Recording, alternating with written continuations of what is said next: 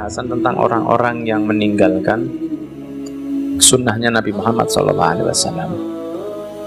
Rasulullah bersabda, Innalillahi azza wa Allah subhanahu wa ta'ala memiliki malaikat yang setiap hari memanggil.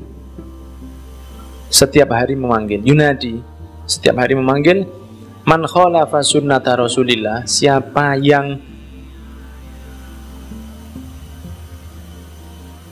tidak mengikuti atau mengingkari sunnahnya Rasul Shallallahu Alaihi Wasallam. Lam tanalhu syafa'atuh tidak akan mendapat syafaatnya Nabi Muhammad Shallallahu Alaihi Wasallam. Barang siapa tidak suka mengingkari meninggalkan berpaling dari sunnahnya Nabi Muhammad lam tanalhu syafa'atuh. Itu yang setiap hari dikumandangkan oleh oleh para malaikat. Jadi kalau malaikat satu yang senantiasa siapa pun yang meninggalkan sunnahnya Nabi Muhammad tidak akan mendapatkan syafaatnya Nabi Muhammad SAW. Maka oleh sebab itu kita dianjurkan untuk senantiasa melakukan sunnah Nabi walaupun kecil-kecil, walaupun kecil, hal-hal kecil, bukan yang seperti qiyamul di hal-hal yang mubah seperti tidur, makan, minum, masuk kamar mandi, keluar kamar mandi. Apa ini? Ini di antara dampaknya adalah syafaatnya Nabi Muhammad SAW.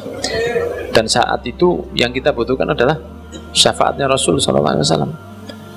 Dan rahmatnya Allah pastinya. Karena wis angsal syafaat aman. Tapi kalau tidak oleh syafaat buyar. Buyar. Kalau buyarin dunia orang jatuh di dunia, dia mungkin akan bangkit lagi. Tapi kalau sudah jatuh di akhirat, salawas-lawas. Karena kalau sifatnya dunia ini katanya Imam Haddad, wa khalif hawa nafsa allati laisa qasduha siwal jam'i lidari lati hasbuhal mihan dan hindarilah hawa nafsu yang hawa nafsu ini kerjanya hanya setiap hari mengajak orang untuk nguber atau mengejar mendapatkan hal-hal yang di dalamnya isinya hanya coba dok. Dunia ini kan begitu. Isinya di dalam dunia ini apa? Ya coba. Ganteng coba. Dijaga ndak gantengnya? Dipakai untuk apa gantengnya? Cantik juga begitu. Dipakai untuk apa cantiknya? Untuk menunjukkan auratnya di Facebook? Ya jadi pertanyaan di hari kiamat. Pasti. Karena kalau buka aurat di pasar yang lihat orang pasar. Kalau buka aurat di pabrik yang melihat orang pabrik. Tapi kalau ngelihatnya di Facebook, maka sak dunia bisa melihat. Orang di mana pun di dunia ini yang bisa membuka sosmed, kalau dia membukanya publik, di-share secara publik, maka semua orang yang melihat akan bisa melihat auratnya. Lo kadang-kadang niku kudungan, tiangnya kudungan, orangnya kudungan, orangnya berjilbab.